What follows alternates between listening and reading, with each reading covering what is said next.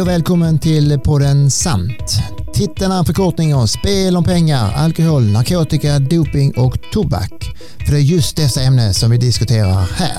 Sant påverkar och ställer till en del problem i vårt samhälle.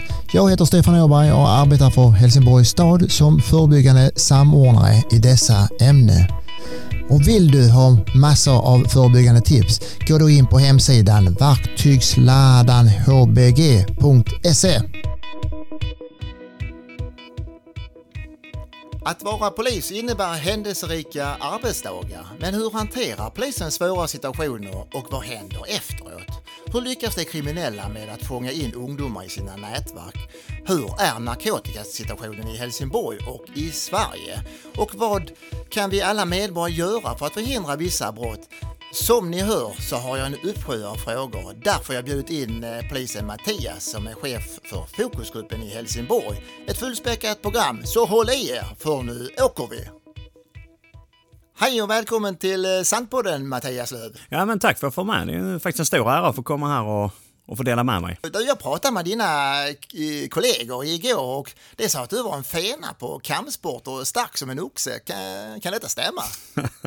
ja, nej men eh, jag har alltid haft ett, ett jättestort intresse och har fortfarande för just kampsport och så här så att nej det, det, det får jag nog ändå skriva under på att det stämmer. Har du någon nytta av detta på, eh, när du arbetar? Ja, men det tycker jag. Jag är ju framförallt eh, mindre sjuk än vad många andra är kanske. Men, eh, nej, men det är väl klart att man har, eh, det är ju ett fysiskt arbete vi har och vi ingriper ju mot, eh, mot folk så då kan man göra det med betydligt mycket större säkerhet. Så absolut. Då kan man säga att eh, träning är bra för kroppen och för arbetet. Träning är extremt bra för kroppen och, och arbetet skulle jag vilja påstå. Och du har ju varit eh, polis ganska länge ju. Kan det vara 20 år eller vad kan det vara? Ja, till och med 21. Alltså det är, ja, när man ser tillbaka, det, det är lång tid. Eh, längre än vad man kanske trodde en gång, men eh, ja, nu står man här. En rutinerad polis jag sitter och pratar med med andra ord. Ja men det får man säga och det, det, vill jag väl också säga att jag tycker ju fortfarande, alltså det är många som eh, oavsett jobb snabbt tappar geist och lust. Men det måste jag säga, jag tycker fortfarande precis lika roligt att gå till jobbet idag som för, för 20 år sedan. Så det känns fantastiskt. Ja, du har hittat rätt kan man säga, eller hem. Ja men det får man nog säga faktiskt. Eh, jag tänkte på, vad är det bästa med polisyrket? Ja, alltså hur lång tid har vi?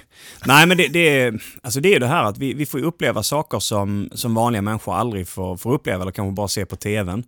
Så jag skulle vilja säga att man får en otroligt stor livserfarenhet. Eh, och det har man ju alltid nytta av i, i alla situationer. Men, nej, men det, det är väl variationen jag tycker framförallt är det absolut bästa.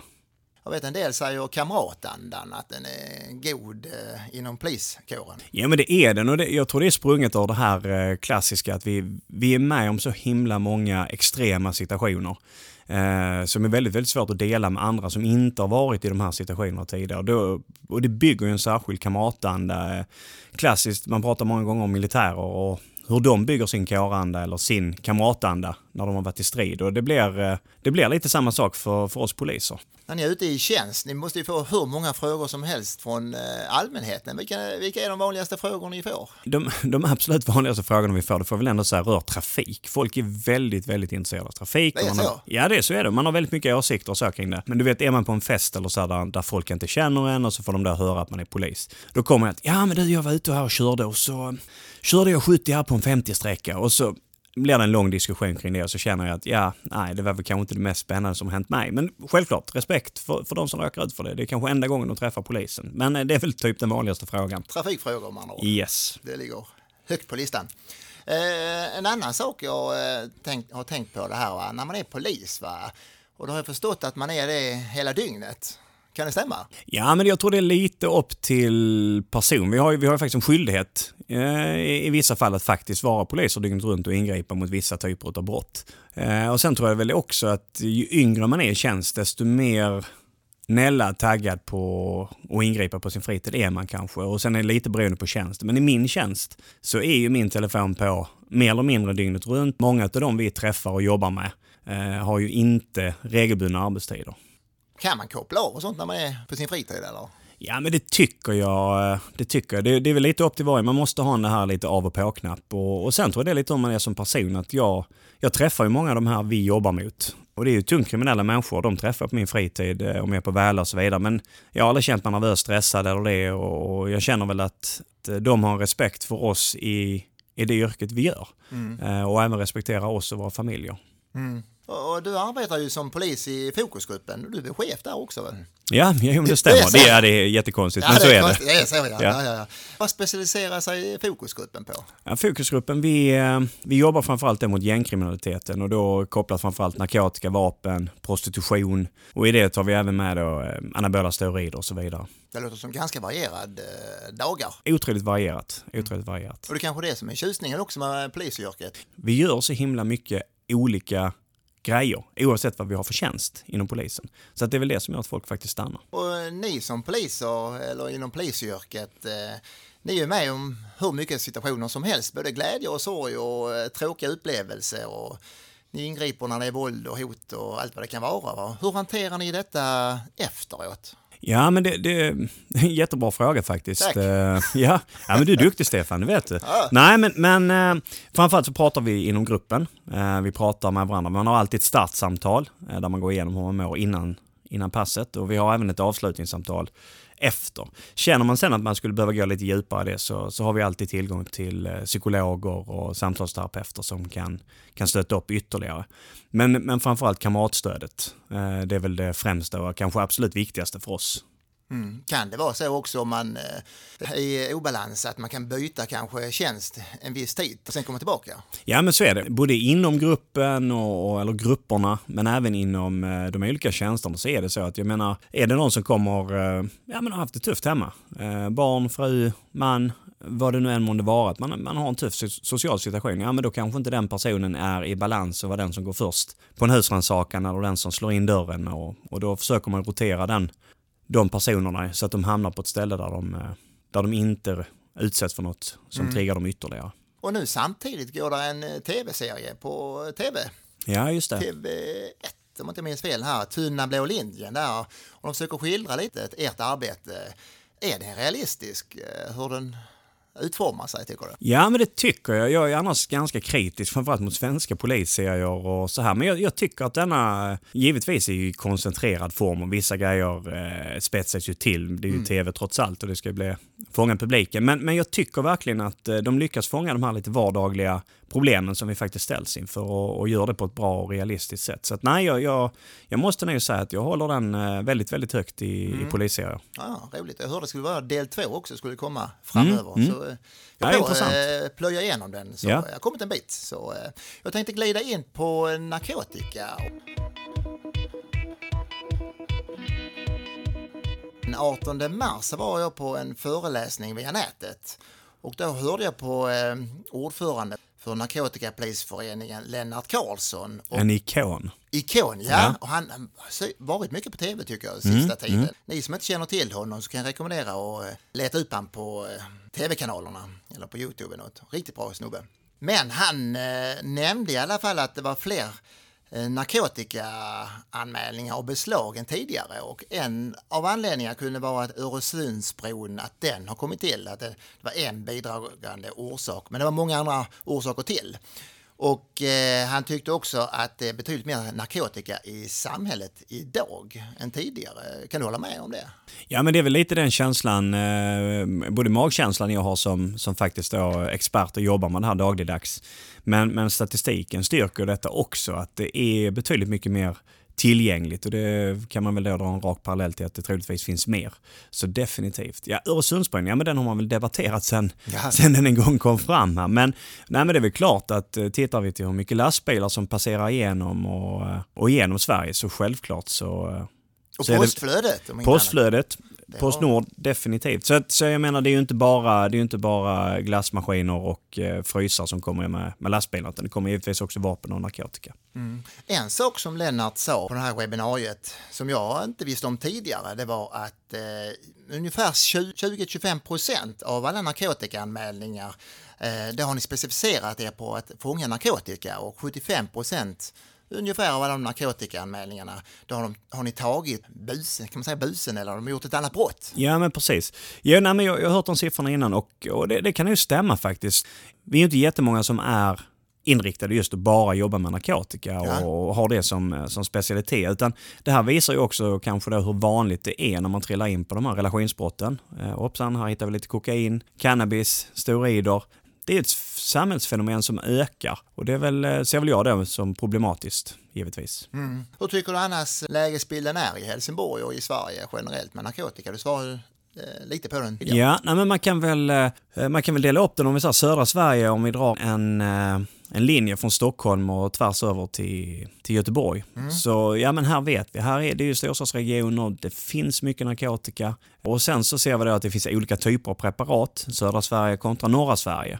Jag skulle vilja säga att det är en väldigt, väldigt god tillgång och jobbar man sen utanför storstadsregioner så otroligt mycket via Darknet, via posten, mm. postförsändelser och så vidare. Men här kanske det fortfarande i storstadsregioner då är mycket den lokala langaren på, på hörnan som man eh, får sin narkotika av. Skiljer det mycket sig vilka narkotikapreparat som är i, på vissa områden? Eller? Ja, men det gör det. det ja, men det, gör, ja, men det är det absolut. Ja. Eh, tittar man, eh, jag har ju då erfarenhet av att jobba tidigare ute i Klippan, som är lite mer glesbygd, men fortfarande väldigt nära till, till stan. Vi hade väldigt mycket Oxycontin och Oxycodon till exempel där ute. Mer hemmaodling av cannabis än det fanns här i stan. Eh, amfetamin, mycket av de här RC, alltså research chemicals, som man då köper på nätet, är betydligt mycket vanligare, vad ska jag säga, på glesbygden. Hur tror du det kommer att se ut om tio år? Du kan inte veta, men du kan tro. Nej, men om, om vi tittar in i, i spåkulan så jag vill väl ändå vara lite positiv i detta. Jag, jag är ju inte naiv och jag inser ju att det finns en stor efterfrågan på narkotika. Men jag hoppas att ju mer upplysta människor blir om riskerna med det här användandet av, av narkotiska preparat och andra illegala substanser. Att det faktiskt finns en otrolig misär bakom. Det är inte som på tv när eh, olika ungdomsförbund står och säger ja men det är inte så farligt att röka lite cannabis här och där. Nej, och så kanske det är. Men det är sällan någon som håller sig till bara det. Och då ser vi, vi träffar ju familjerna som har missbrukande barn. Mm. Eller en missbrukarfamilj och det är katastrof. Så att jag hoppas är lite positiv här då att, eh, att det ska gå ner. Men, men visst, statistiken talar emot det. Men det är upp till oss som poliser och, och alla andra som lyssnar på detta ju, samhälle, att Samhället. faktiskt göra sin insats mot detta. Precis, va? och sen kommer det också ut eh, attityden har förändrats en del på att det är mer liberal idag än det har varit tidigare. Ju. Absolut. Och det kommer ut i olika rapporter. Mm. Men samtidigt är det ju inte raketfart uppåt för narkotikabruket som, och det är rätt så märkligt. Nej men jag, jag tycker väl så här, jag, jag följer ju situationen både internationellt och nationellt. Och, ja. och tittar man då, eh, kan nästan, det är ju ett populärt ord för tillfället, här, de här påverkansoperationerna. Tittar man då på eh, tv-serier och filmer från USA där det är väldigt mycket, vad ska vi säga, cannabis eh, i Eh, i de här filmerna eh, där hjältarna och huvudpersonerna använder. Så man avdramatiserar det väldigt mycket. Och det ska man också ha med sig att de här då som har gått in i de här eh, vad ska jag säga, legaliserings och avkriminaliseringskampanjerna i USA, det var ju de stora tobaksbolagen. De, mm, mm. de är ju kanske inte kända då för att vara supergoda och gör otroligt mycket pengar i detta. Så att Ja, nej det är klart att det sker en attitydförändring. absolut. Och sen, precis som du själv nämner, finns ju väldigt många undersökningar, rapporter och så vidare på nätet. Och ja, alltså man kan ju läsa det som fan läser Bibeln eh, och, och hitta, en, hitta en rapport som passar en själv och sitt eget missbruk. Men vad är det som styr priset på narkotikan? Generellt är det ju efterfrågan, mm. precis som alla andra varor egentligen. Eh, finns det gott om det, eh, då ser vi att då, då är det gärna att man dumpar priserna lite och är det, är det tufft att, att få tag i det. Jag vet precis när, när vi fick den här pandemin och eh, vi började stänga gränserna så vet jag att det blev lite struligt att få, få fram cannabis till exempel uppe i Mälardalen. Gick priset upp i Mälardalen, nu har priset gått ner igen och utifrån det kan vi väl tolka som att eh, de har en, eh, en bra och stadig eh, försäljning där uppe igen när nya preparat kommer, för det ploppar ut mm. emellanåt. Mm. Hur marknadsför de detta tror Ja men det är via nätet och sen så givetvis eh, användarna sinsemellan. Eh, ja men har du testat detta? Ja men det här var bra. Ja men du vet det här var kass. Går man in och läser på Flashback så kan man få recensioner. Eh, nu är det ju inte några doktorander som gör de här mm. recensionerna mm. så att eh, man väl kanske ta det med viss försiktighet när man läser de här. Jag tänkte på, eh, vi är ju många i samhället som arbetar med att våra ungdomar ska hålla sig borta från kriminella mm. nätverk. Och, men ändå så lyckas de ibland att fånga in det här till eh, att de blir medlemmar i deras mm. nätverk. Då. Mm. Vad tror du det kan bero på? men jag tror, för det är ju generellt killar vi pratar om. Mm. och jag menar, jag menar även du och jag Stefan, vi har varit unga en gång. Ja, och, och, kan man inte tro. Nej, men, men, men trots det. Jag såg något foto här för någon vecka sedan, så att, jo, men vi har varit unga tror jag. då tänker jag, i alla fall för min del, och där fanns ju givetvis en lockelse till, vad ska jag säga, till den andra sidan. Det här lite busiga och, och göra saker som, som man inte fick. Och den känslan tror jag är lättare att få utlopp för idag. För det finns så många fler utlopp att få, till exempel narkotikaförsäljning och så vidare. Vi brukar ta exemplet med den här filmen Scarface, som för övrigt är en fantastiskt bra film om eh, Tony Montana. Men ibland när jag träffar folk och de har ju han som någon form av förebild så tänker jag, så de bara inledningen och hälften av filmen, man såg inte slutet. Eller?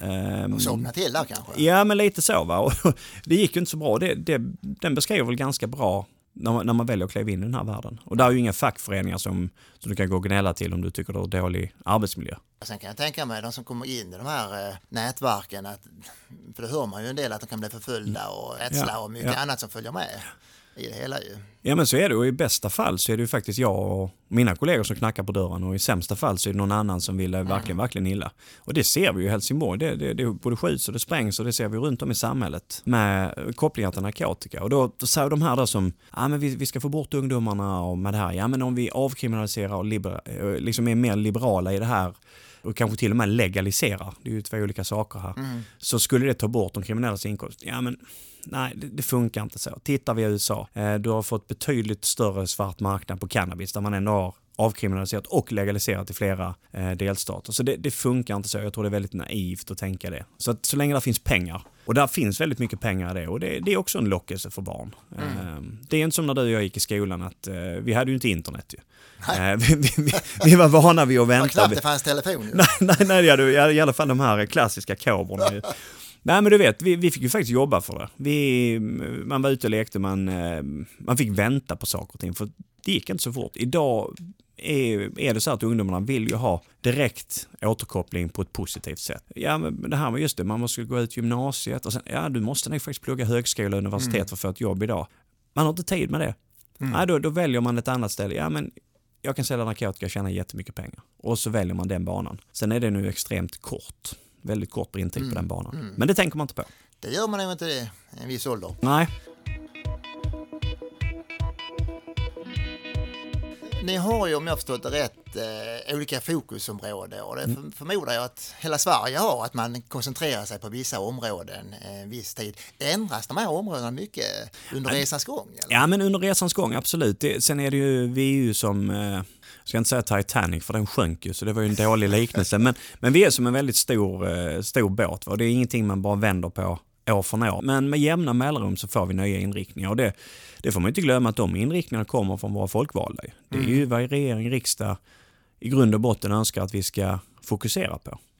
Och vilka är de vanligaste preparaten? Jag tänker att det kanske kan skilja sig mellan om man är under 18 år och om man är plus 30 eller något. Skiljer det sig eller? Ja, men lite, lite, Lite? gör det. Men Okej. man kan väl säga att här i Helsingborg generellt Ja. så har du ju eh, cannabis, du har tramadol, du har kokain och sen så där under steroider, eh, ecstasy har kommit tillbaka. Amfetamin träffar vi på mer sällan. Men tittar vi sen då de som är lite äldre, ja men då skulle jag också säga cannabis, men kanske då mer kokain istället för kanske då tramadol eller benzo eller liknande. Men det är väl framförallt om vi ska generalisera så skulle jag säga att det är tramadol, det är cannabis, både då det bruna hasch och eh, det gröna marijuana och kokain. Och så har det varit en längre tid. Ja men det har det och Ja. det har inte ändrats så mycket och det var också intressant med de här RC Research Chemicals som kom att, att det var väldigt poppis här för några år sedan. Sen hade vi ett antal uppmärksammade dödsfall på ungdomar. Eh, och det känns som att experimentlustan på de här lite eh, udda preparaten har faktiskt gått ner. Det är väl en känsla vi har att vi, vi träffar inte på det lika mycket längre. kan ju hoppas ju. Ja, men lite så. Lite så. Och vad är det som gör att eh, droger kommer och går och består? Precis som du säger att vissa har varit en längre tid, va? men ibland så ploppar det upp eh, några nya droger. Precis som ecstasy sa du precis ju, att den var ju populär en gång i tiden, sen försvann den mer eller mindre och sen är den på gång igen. Ja, ja, det är ju jättesvårt egentligen att säga, men, men det är ju så att vissa, ja men som Levis jeans, de har hållit i, i många, många år, eh, precis som cannabis och kokain. Eh, sen dyker det upp de här andra, alla är ju kemiska preparat, det får man inte glömma, och då dyker det upp en del olika läkemedel, alltså narkotikaklassade läkemedel som dyker upp. Det kan även vara lite kopplat till att ungdomar då, eh, enligt undersökningar i alla fall, mår lite sämre idag. Högre tempo, studieresultat, ångest och så vidare. Och så vidare. Att man kanske då idag har lättare för att trilla in i ett, vad ska vi säga, ett läkemedels, eh, narkotiskt läkemedelsmissbruk än vad man hade för kanske för 20, 30, 40 år sedan. Ja, ser man. Ja. En annan sak jag funderar på att eh, Det är ju forskningen brukar ju gå ut med det här att kan man hålla ungdomarna borta från alkohol och eh, tobaken så minskar sannolikheten att eh, man börjar med någon annan drog, narkotika då alltså. Eh, vad tror du om det? Ja, jag delar den till, till fullo. Jag menar, ja, men det gör jag. Det, det är ju jättesvårt och, och nästan lite korkat att röka cannabis om man inte kan röka en vanlig cigarett. För då, då har du inte ner det i lungorna så tappar man lite syftet med att använda droger då. Sen alkohol, koppling till alkohol är ju att man eh, generellt när man dricker så, så får man ju avtrubbad eh, sinnen och, och omdömet brister oftast där när man har druckit. Och då är det mycket, mycket lättare om man nu är lite riskbenägen, att testa droger. Och sen så kanske man då får, får man en positiv upplevelse första gången så är man mycket, mycket mer benägen att testa en andra, en tredje och en fjärde gång. Och där tänker jag, eh, vi kan skicka ut en signal till både skolan och som förälder att det är viktigt att man jobbar med de här sakerna. Att man Mycket inte, viktigt. Att man inte ser att man säger att det är okej att röka och, eller dricka alkohol. Att man jobbar med det. Så ställningstagande är viktigt för eh, de vuxna överhuvudtaget. Ja, absolut. Eh, Det är ju trots allt vi, vi som vuxna är ju förebilder för barnen. Mm. Om än att de tycker att vi är träiga och stofiler emellanåt så är det viktigt att vi står på oss. Eh, För barn gör ju inte vad vi säger, de gör ju vad vi gör. Om man nu skulle vara orolig, om man jobbar på en skola eller man är som förälder och man är orolig för eh, ett barn. Vad ska man göra då? Är det några speciella materiella ting man ska eh, vara uppmärksam på? Ja, men man kan absolut, man kan titta på deras vakenhet i, i skolan. Man kan titta på deras närvaro i skolan. Eh, deras skolresultat, liksom över tid, har det förändrats väldigt mycket. Eh, och sen framförallt när det gäller cannabis, och det är ju än en gång den dominerade drogen, så är det ju kopplat ett batteri av eh, merch. Det är tröjor, det är kepsar, det är smycken, det är tändare, det är, det är de här Maja-bladen överallt. Och dyker de här upp så tycker jag absolut att man som vuxen förälder eller eh, jobbar i skolans värld, att man ställer frågan och att man är intresserad. Och det kräver ju också att man som förälder, jag har ju varit på husrannsakningar där, där rummen har varit fullständigt nerklottrade med, med cannabisprylar.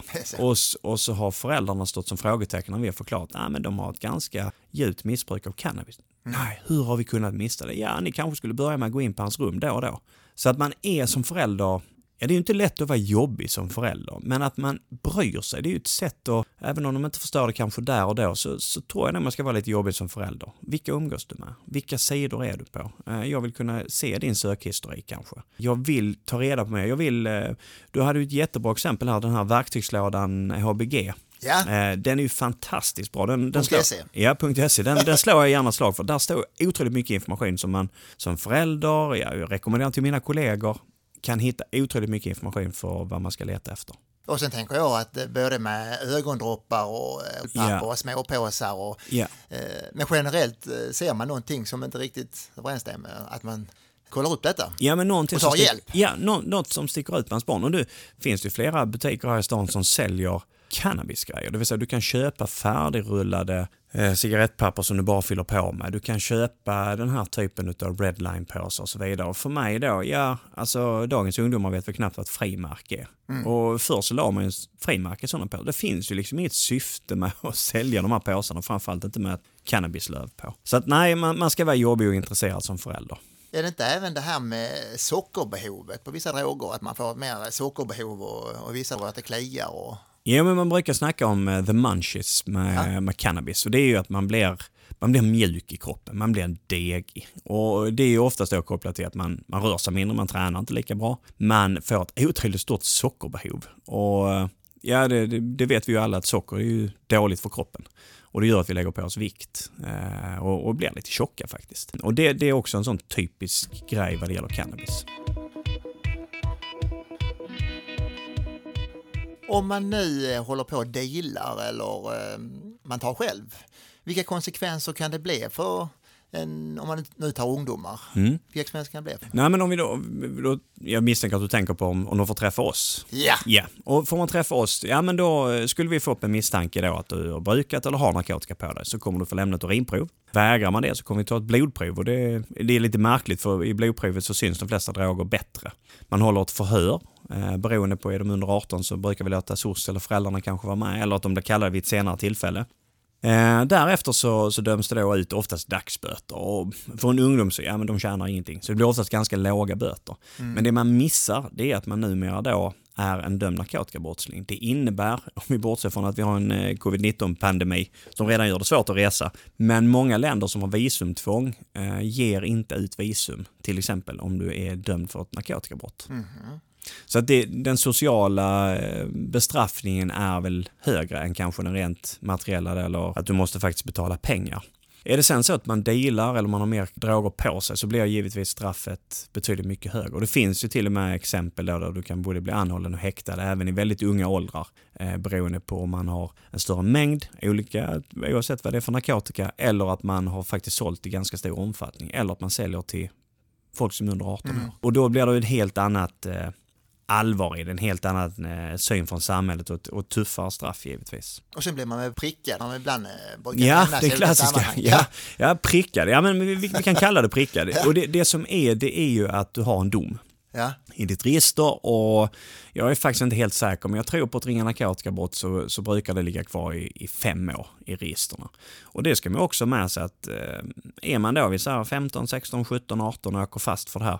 Sen ska man då söka jobb när du är 22. Jaha, eh, du får gärna ta med dig ett eh, urdrag ur brottsregistret. Jaha, jag ser ju här att du har missbrukat eller åkt fast för det.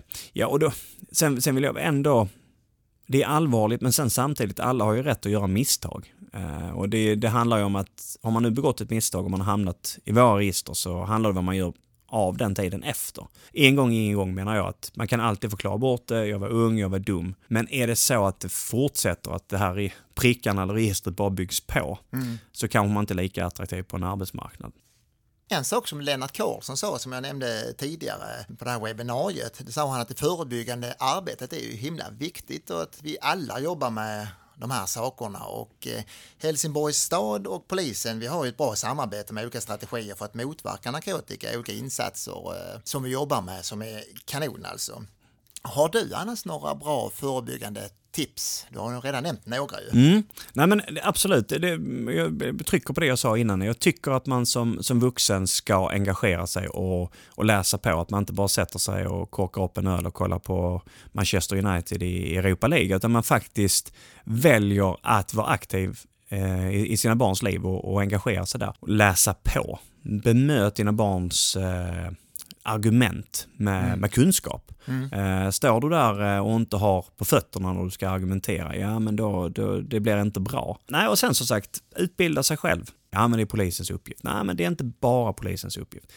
Otroligt mycket tid är de i skolan. Mm. Och där har du som pedagog, lärare, skolsyster och så vidare en otroligt stort ansvar att fånga upp de här eleverna. Sen förstår jag att eh, att ja men ska vi verkligen ringa polisen och så vidare. Ja men se inte oss som bara bestraffande utan se oss även som hjälpande. Där finns ju socialtjänsten, det finns Maria Ungdom, det finns Blå Kamelen, det finns även polisen. Mm. Och det är inte så att vi rusar in ja, men du vet, på, på en skola slår in dörren med, med insatsstyrkan utan vi, vi jobbar civilt, vi försöker vara diskreta.